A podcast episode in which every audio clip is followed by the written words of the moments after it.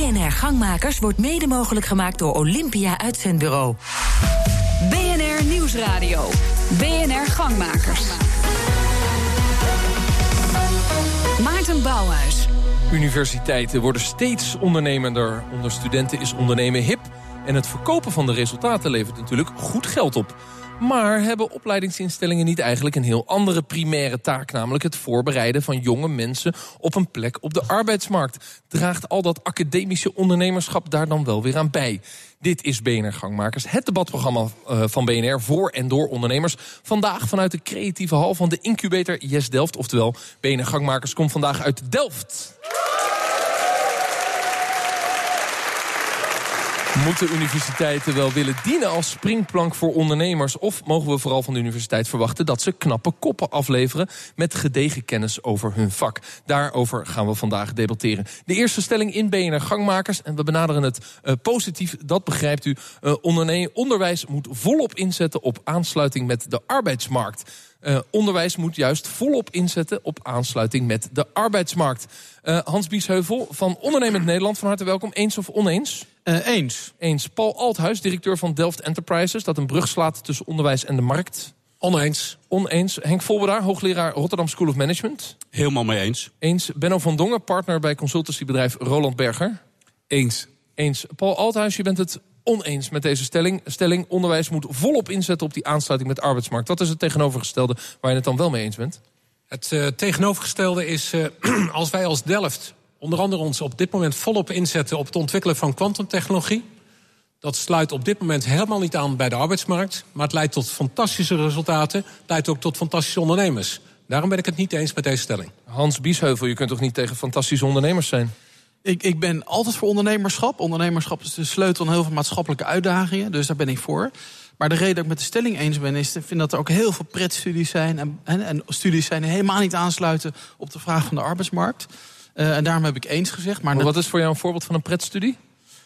Nou ja, ik wil niet een naam noemen. Archeologie. Maar, Archeologie uh, kun je in Delft niet studeren, maar toch. maar we hebben, net, we, hebben net, hè, we hebben net ook van Olympia gehoord... dat er ontzettend veel tekorten zijn na, hè, in een aantal sectoren... naar goede opgeleide mensen. Ik vind dat is primair de taak van de onderwijsinstellingen... of het nou een universiteit is of een hogeschool. Maar je kan natuurlijk ook niet omheen dat ondernemerschap de rode draad is... in de samenleving, in de economie. Uh, en we zijn er met z'n allen denk ik ook heel veel ondernemerder gaan denken. Dus ik denk dat het veel meer met elkaar in, in één hand zou moeten gaan. Het is niet het, het een of het ander, maar het moet juist veel meer samen gaan. Juist, ik praat met jullie natuurlijk verder, maar ik zeg ook tegen de gasten hier bij Gangmakers Extra in Delft, jongens, reageer via de interruptiemicrofoon en voor de mensen in de auto via Twitter, Gangmakers, dan nemen we het mee in de uitzending. Uh, Benno van Dongen uh, van Roland Berger, eens met de stelling? Nou, ik vind dat Paul, ja, ik ben het eens. Ik vind dat Paul een prachtig voorbeeld geeft van Leo Kouwenhoven natuurlijk uh, ongelooflijk indrukwekkend wat hij, uh, wat hij doet. Maar ook juist daar heb je een ongelooflijk ondernemende mind voor nodig. En uh, ondernemerschap en het onderwijs in ondernemerschap helpt niet alleen ondernemertjes te starten met bedrijven, maar ook om juist ondernemen te gaan denken. En wat je ook nodig hebt in onderzoek. Dus ik ben het helemaal eens met de stelling. Ja, onderwijs moet volop inzetten op aansluiting met de arbeidsmarkt. Absoluut. Daar moet onderwijs op inzetten. Eh, zijn ze nu soms te veel aan het inzetten op het stimuleren van start-ups en ondernemerschap... wat niet primair te maken heeft met aansluiting met de arbeidsmarkt? Uh, vind ik niet. hier een aantal jaar proberen ondernemer te zijn... heb je wel heel veel skills uh, geleerd die in grote bedrijven... dan ook tot, uh, uh, goed tot uit te kunnen komen. Ja, dus dus het is geen verloren tijd. Nee, dus het feit dat universiteiten op het stimuleren van ondernemerschap is een goede ontwikkeling. Absoluut. Juist. Henk Volberda? Nou, kijk, uh, succesvolle ondernemers die hebben zogenaamde T-shaped capabilities. Die hebben een bepaalde diepte, een bepaalde expertise ontwikkeld en een bepaalde breedte. Dat ze ook kennis hebben van aanpalende vakgebieden en dat ze ook een ondernemende oriëntatie hebben. Dat ze risico durven te nemen. Maar het begint natuurlijk wel met, met die skills en met die diepte. En als je dat niet hebt, ja, dan ben je vaak geen kennisintensieve ondernemer en dan kom je vaak ook niet met innovatieve producten en diensten. Nou, dat is interessant. Je brengt het bij elkaar. Je hebt een universiteit, dat is natuurlijk in mijn opinie primair een kennisinstituut. Ja. En daar zouden ze zich op moeten richten. En als daar dan ondernemerschap uitkomt, is dat mooi. Maar je kunt geen ondernemerschap hebben zonder die kennis. Nou, het probleem is dat we in Nederland heel veel ondernemers hebben. We hebben heel veel starters, we hebben heel veel hè, de ZZP'ers. Uh, maar die komen vaak niet met nieuwe producten en diensten. En die komen niet met echte innovaties. En we hebben nou juist meer behoefte aan eh, ondernemers die komen met echt innovaties en die ook snelle groei realiseren. En vandaar dat ik Maar zijn denk- dat nou de ondernemers die juist wel of niet voortkomen uit zo'n incubator van zo'n universiteit als dit? Eh, wel, wel, ja. Wel. Ja, ja. Ja. Maar nou is de stelling, eh, onderwijs zou juist volop moeten inzetten op aansluiting met de arbeidsmarkt. Dus slimme koppen afleveren die van mij bij, bij, bij Philips of bij ASML aan de slag kunnen. Ja, maar daar begint het vaak eh, mee. En, die, en, en, en ik zie dat bij mijn eigen studenten... die eerst eigenlijk het liefst in aanmerking wilden komen... van een management development programma- bij een multinational.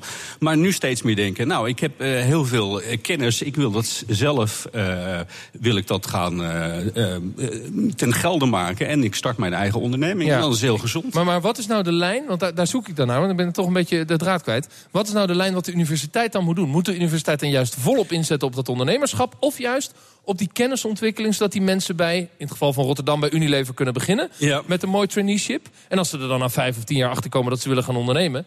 ga je gang, maar dan heb je Ja, wel die de- ervaring bij die corporate. Ja, maar Maarten, de wereld- gaat veel sneller tegenwoordig. Eh, Dat is het oude model. Dat is heel erg sequentieel denken. Nu is het, je hebt die meest recente kennis, die ontwikkel je tijdens je studie. Daar investeer je in. En eh, vervolgens ga je nadenken, hoe kan ik dat eh, exporteren via mijn eigen onderneming?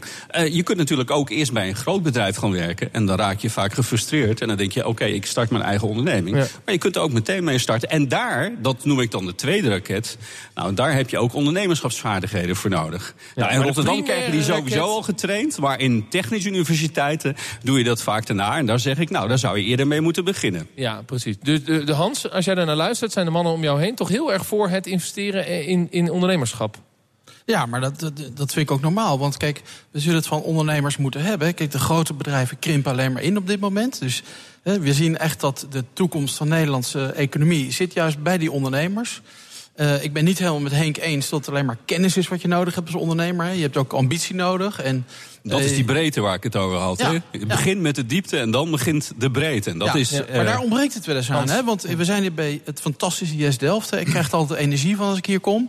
Maar we weten ook dat Yes Delft heel veel starters heeft. Maar nog moeite heeft om heel veel groeiers te realiseren. Hè? Want starters is één ding. Nou, ik zeg niet dat kan iedereen. Hè? Want daar heb je kennis voor nodig en een goede omgeving voor nodig. Maar uiteindelijk gaat ondernemen over...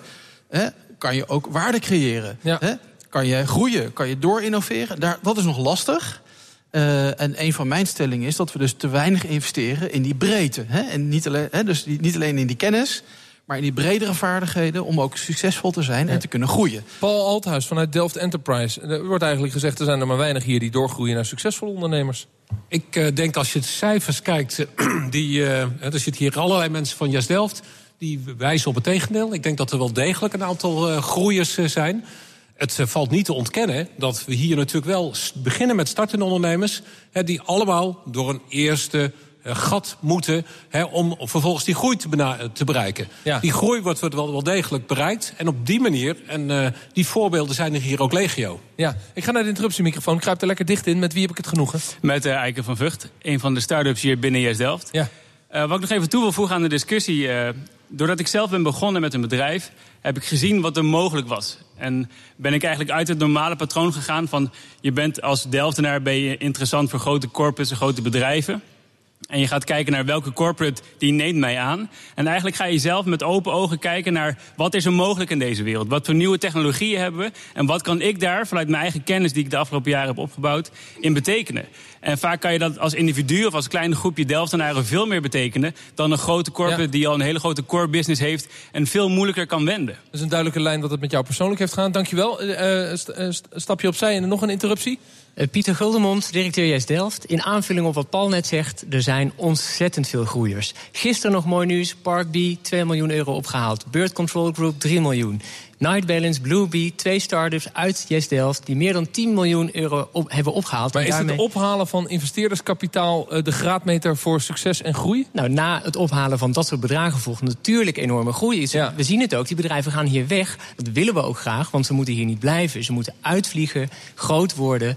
nog veel meer geld op gaan halen, nog veel meer mensen aannemen. En dat gebeurt hier dus Het, Ja, ook groei en werkt. extra werkgelegenheid. Ja, want, Henk eh, Volber- Henk nou ja, ja. wat ik vaak jammer vind van heel veel start-ups is de gedachte small is beautiful. Eh, en als het uiteindelijk succesvol is, dan worden we overgenomen door een groot bedrijf. Ja, ik zou nou eigenlijk meer, eh, meer snelle groeiers willen zien. Die, Eh, die ook zelfstandig blijven en niet zo snel worden gekocht. Eh, precies zoals eh, de, de Booking.coms, de, de Coolblues. eh, daar zou ik veel meer van willen zien. Ja, groot denken. Oké, ik, de heer achter u, volgende interruptie, jongens, prachtig. Eh, zegt u het maar, ik heb nog een paar seconden. Ja. Ja, mijn naam is Bert Spierings. Ehm, interessant eh, is dat vanochtend uit Rotterdam op de radio ook een andere stelling was.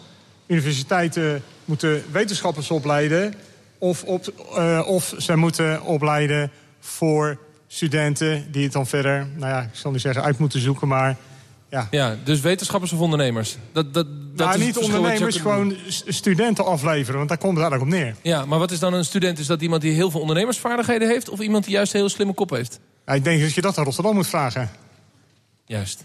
Eh, da- dames en heren, moet ik dat aan Rotterdam vragen? Nou, dat kan ook beide. hè. Je kan ook eh, heel goed zijn in ondernemen en ook nog eens een keer heel erg eh, slim zijn. Eh, en, en, en dat is juist wat je moet hebben. Kijk, ik denk dat Rotterdam, als je spreekt over eh, bijvoorbeeld eh, de business school, ja, dat zijn natuurlijk, die worden echt getraind in businessvaardigheden. Maar ik denk, ik zie heel veel nieuwe opleidingen waar je eerst drie jaar techniek gaat doen en vervolgens ga je En verbreden in general management. Ja. Kom je in Rotterdam. En, het is- het is ook En dan wat het ik ook- ondernemerschap, heren. We gaan eh, er eventjes tussenuit. En na de reclame gaan wij luisteren eh, naar de vraag... of die start-ups ook hun geld moeten teruggeven aan de universiteit... als ze succesvol zijn. Tot zo. BNR Nieuwsradio. BNR Gangmakers. Mijn naam is Maarten Bouwers. We praten bij Yes Delft over de ontwikkeling dat universiteiten steeds meer hun best doen om startende ondernemers te faciliteren. Uiteraard zijn er startende ondernemers eh, onder ons midden hier bij Yes Delft. Eike van Vught. Eh Eike, kom even bij de interruptiemicrofoon staan. Eh, jij werkt met nanotechnologie. Wat maak jij? Dat klopt. Wij maken machines, hele geavanceerde machines. En die machines die verschepen wij of verkopen wij aan onderzoekers. En daarmee kunnen onderzoekers eh, nanodeeltjes maken. Ik zal je niet uitleggen wat een nanodeeltje precies Vast is. heel klein. Daar is deze uitzending denk ik te kort voor, heel klein. Maar die, die deeltjes zijn een soort van bouwstenen voor producten als nieuwe batterijen, nieuwe elektronica, nieuwe zonnepanelen. Had je dat kunnen ontwikkelen zonder de incubator Yes Delft? Eh, ja. Had ik dat kunnen ontwikkelen zonder de TU Delft? Nee. Eh, versnellen wij met de incubator van Yes Delft? Jazeker. Oké, Gijs den Butter, eh, kom ook even naast Eike staan. Eh, jij maakt een robot Brace. Was je net zo ver gekomen als de universiteit je minder had ondersteund? Ik denk dat je ongeveer wel zo ver zou komen, maar een stuk minder snel. En, en wat doen ze dan voor je? Nou, ze zorgen er eigenlijk in die zin dat je een netwerk hebt... en ook een stukje kwaliteitsstempel van... oké, wij werken samen met de TU Delft. Of wij zijn een spin-off van de TU Delft. En eh, dat helpt wel heel veel, ook als je bij artsen binnen wil komen. Oh, dat is wel dus, goede dus het is niet alleen eh, eh, de kennis die beschikbaar is, maar ook het label van de universiteit maakt dat je makkelijker de markt op kunt. Nou ja, de, de, niet, niet zozeer de label, maar gewoon de samenwerking die je met jouw profs bijvoorbeeld hebt...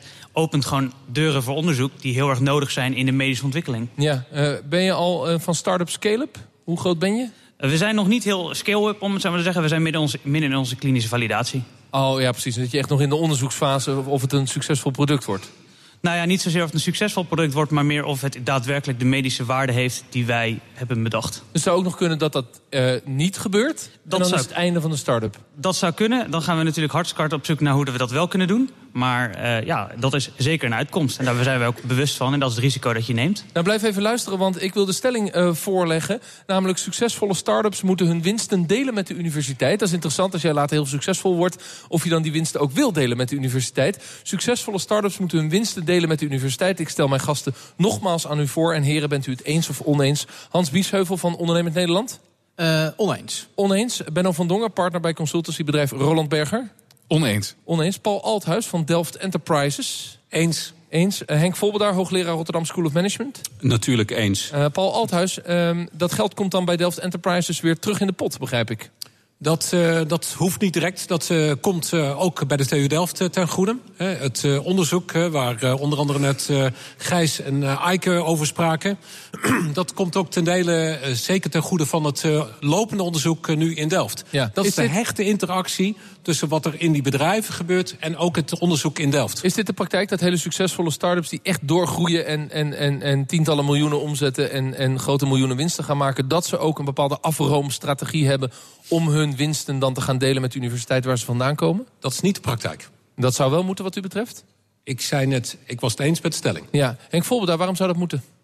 Nou, ik vind eh, de universiteit doet hier investeren. We hebben net eh, vastgesteld dat die kennis eh, dit juist heel erg doorslaggevend was voor het eh, succes. Ja, we horen net twee voorbeelden van nanotechnologie... Ja. wat je echt alleen kunt doen als je daar veel over door hebt geleerd. Ja, nou, de, de universiteit werd genoemd, niet zozeer de incubator. Maar ik vind dus dat het eh, heel businesslike is. Dat de universiteit daar ook van profiteert. En die kan het weer investeren in, in andere start-ups. Doet Rotterdam dat al op een manier? Eh, nee, niet echt. Rotterdam doet dat ook niet. eh, als, het, als je kijkt naar Erasmus Center for Entrepreneurship. eh, dus ehm, maar als je kijkt naar Amerikaanse universiteiten, die doen dat wel. Ehm, eh, maar daar kun je bijvoorbeeld ook vraagtekens eh, zetten. hè. We hebben het heel veel over Silicon Valley. eh, dat, ja, er zijn zoveel start-ups. Maar we, we vergeten dat dat voornamelijk ook gefinancierd is door de Amerikaanse overheid en universiteiten. Als het gaat om al die kennis. En met name ook Amerikaanse defensieapparaat. Ja, de vraag is of Mark Zuckerberg, die ooit begonnen is op zijn eigen universiteit... ook die universiteit dan weer veel zou moeten financieren. Ik heb geen idee of hij dat doet. Misschien doet hij dat wel. Hans Biesheuvel, je bent het niet Nou, ze spreken dan vaak over payback. Hè. Ze hopen dan dat als ze heel rijk worden, dat ze dan allemaal eh, eh, als alumnus heel veel geld aan de universiteit zullen Ja. geven. Maar dan moet je heel lang wachten. Mark Zuckerberg is al vrij rijk. Hans Ja. Wil stellen. eh, eh, oneens met de stelling. Ja, ik ben mee oneens. Ik vind eigenlijk dat als je succesvolle start-ups hebt, dan moet je, die moeten, hè, net zei net ook, moeten doorgroeien. Dan creëren we echt waarde in Nederland. Hè. Dus ik zou zeggen, laat dat geld vooral in die start-ups. Zorg dat het scale-ups worden.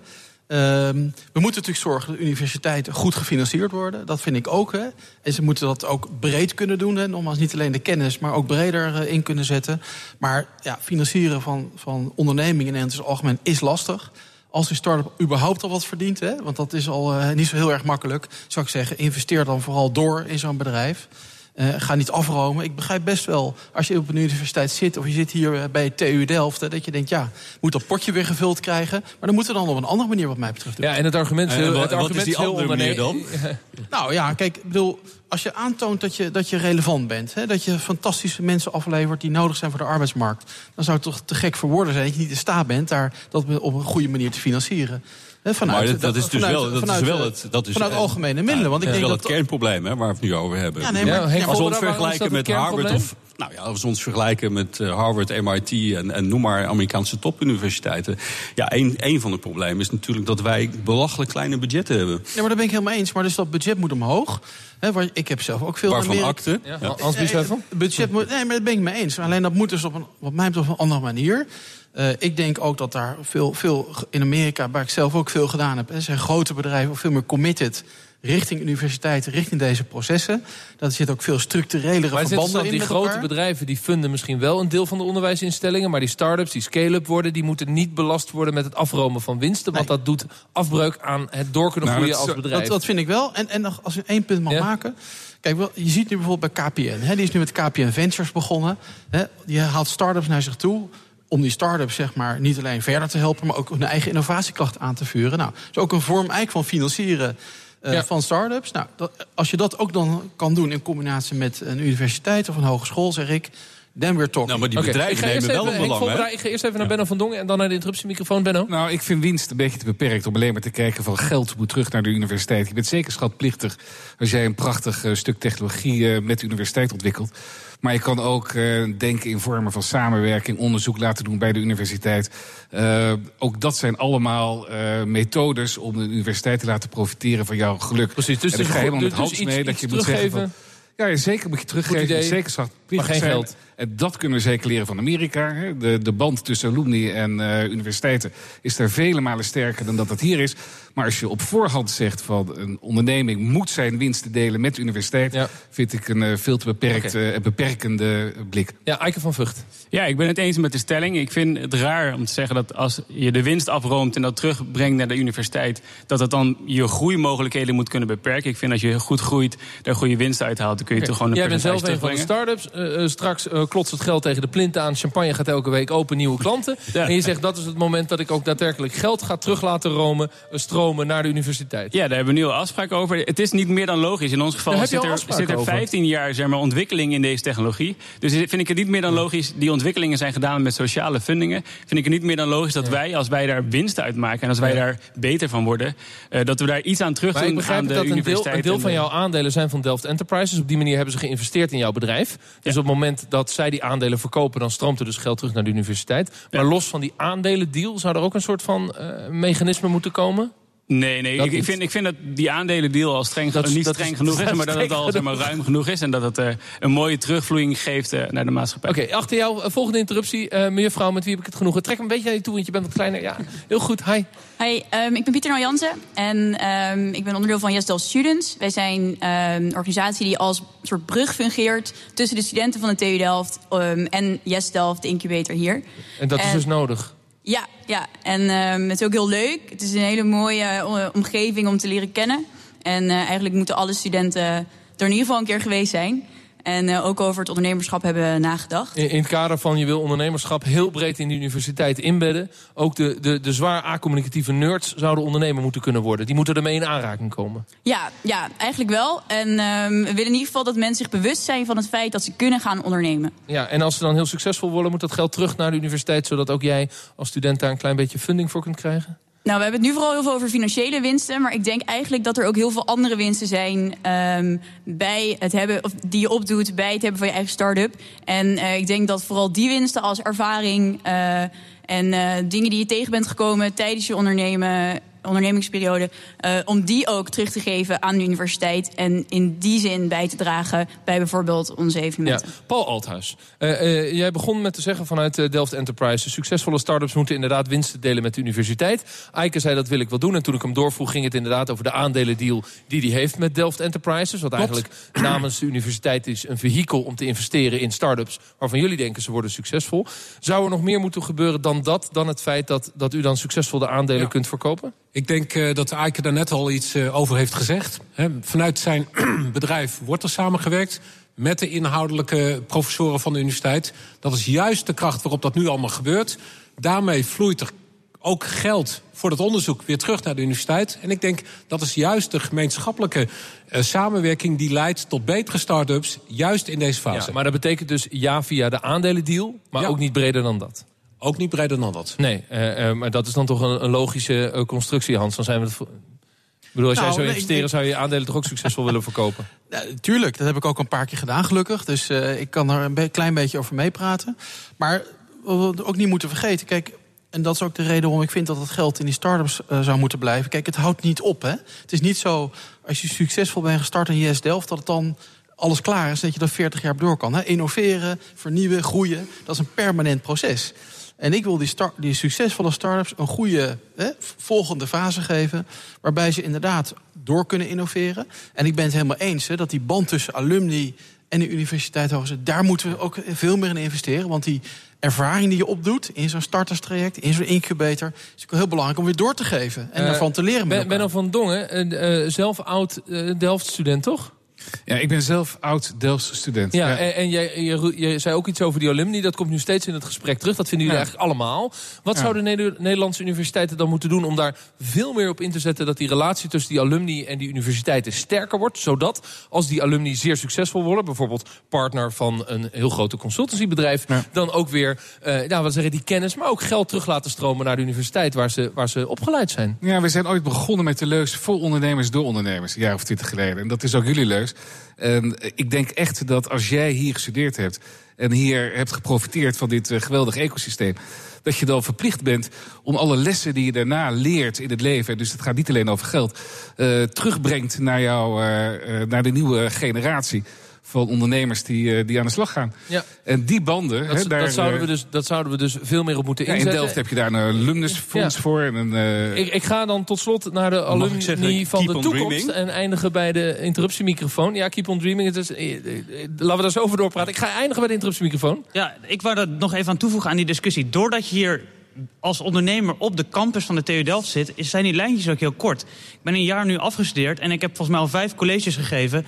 over hoe je in de hele beginfase een onderneming moet gaan opstarten... met hele praktische tips daarbij. Om Dus nog dat maar eens aan te geven wat het succes kan zijn van een eh, incubator. Was hem alweer. We zijn aan het einde van de uitzending hier vanuit Yes Delft. Wij gaan hier met Gangmakers Extra daar nog een uur met elkaar over doorpraten. Ik dank mijn gasten en de insprekers hier aan de interruptiemicrofoon. Veel interrupties. Dankjewel jongens. Dit was BNR Gangmakers. Volg ons op Twitter, BNR De uitzendingen terug via bnr.nl. Volgende week zijn we er weer. Tot volgende week. Dag. BNR Gangmakers wordt mede mogelijk gemaakt door Olympia Uitzendbureau.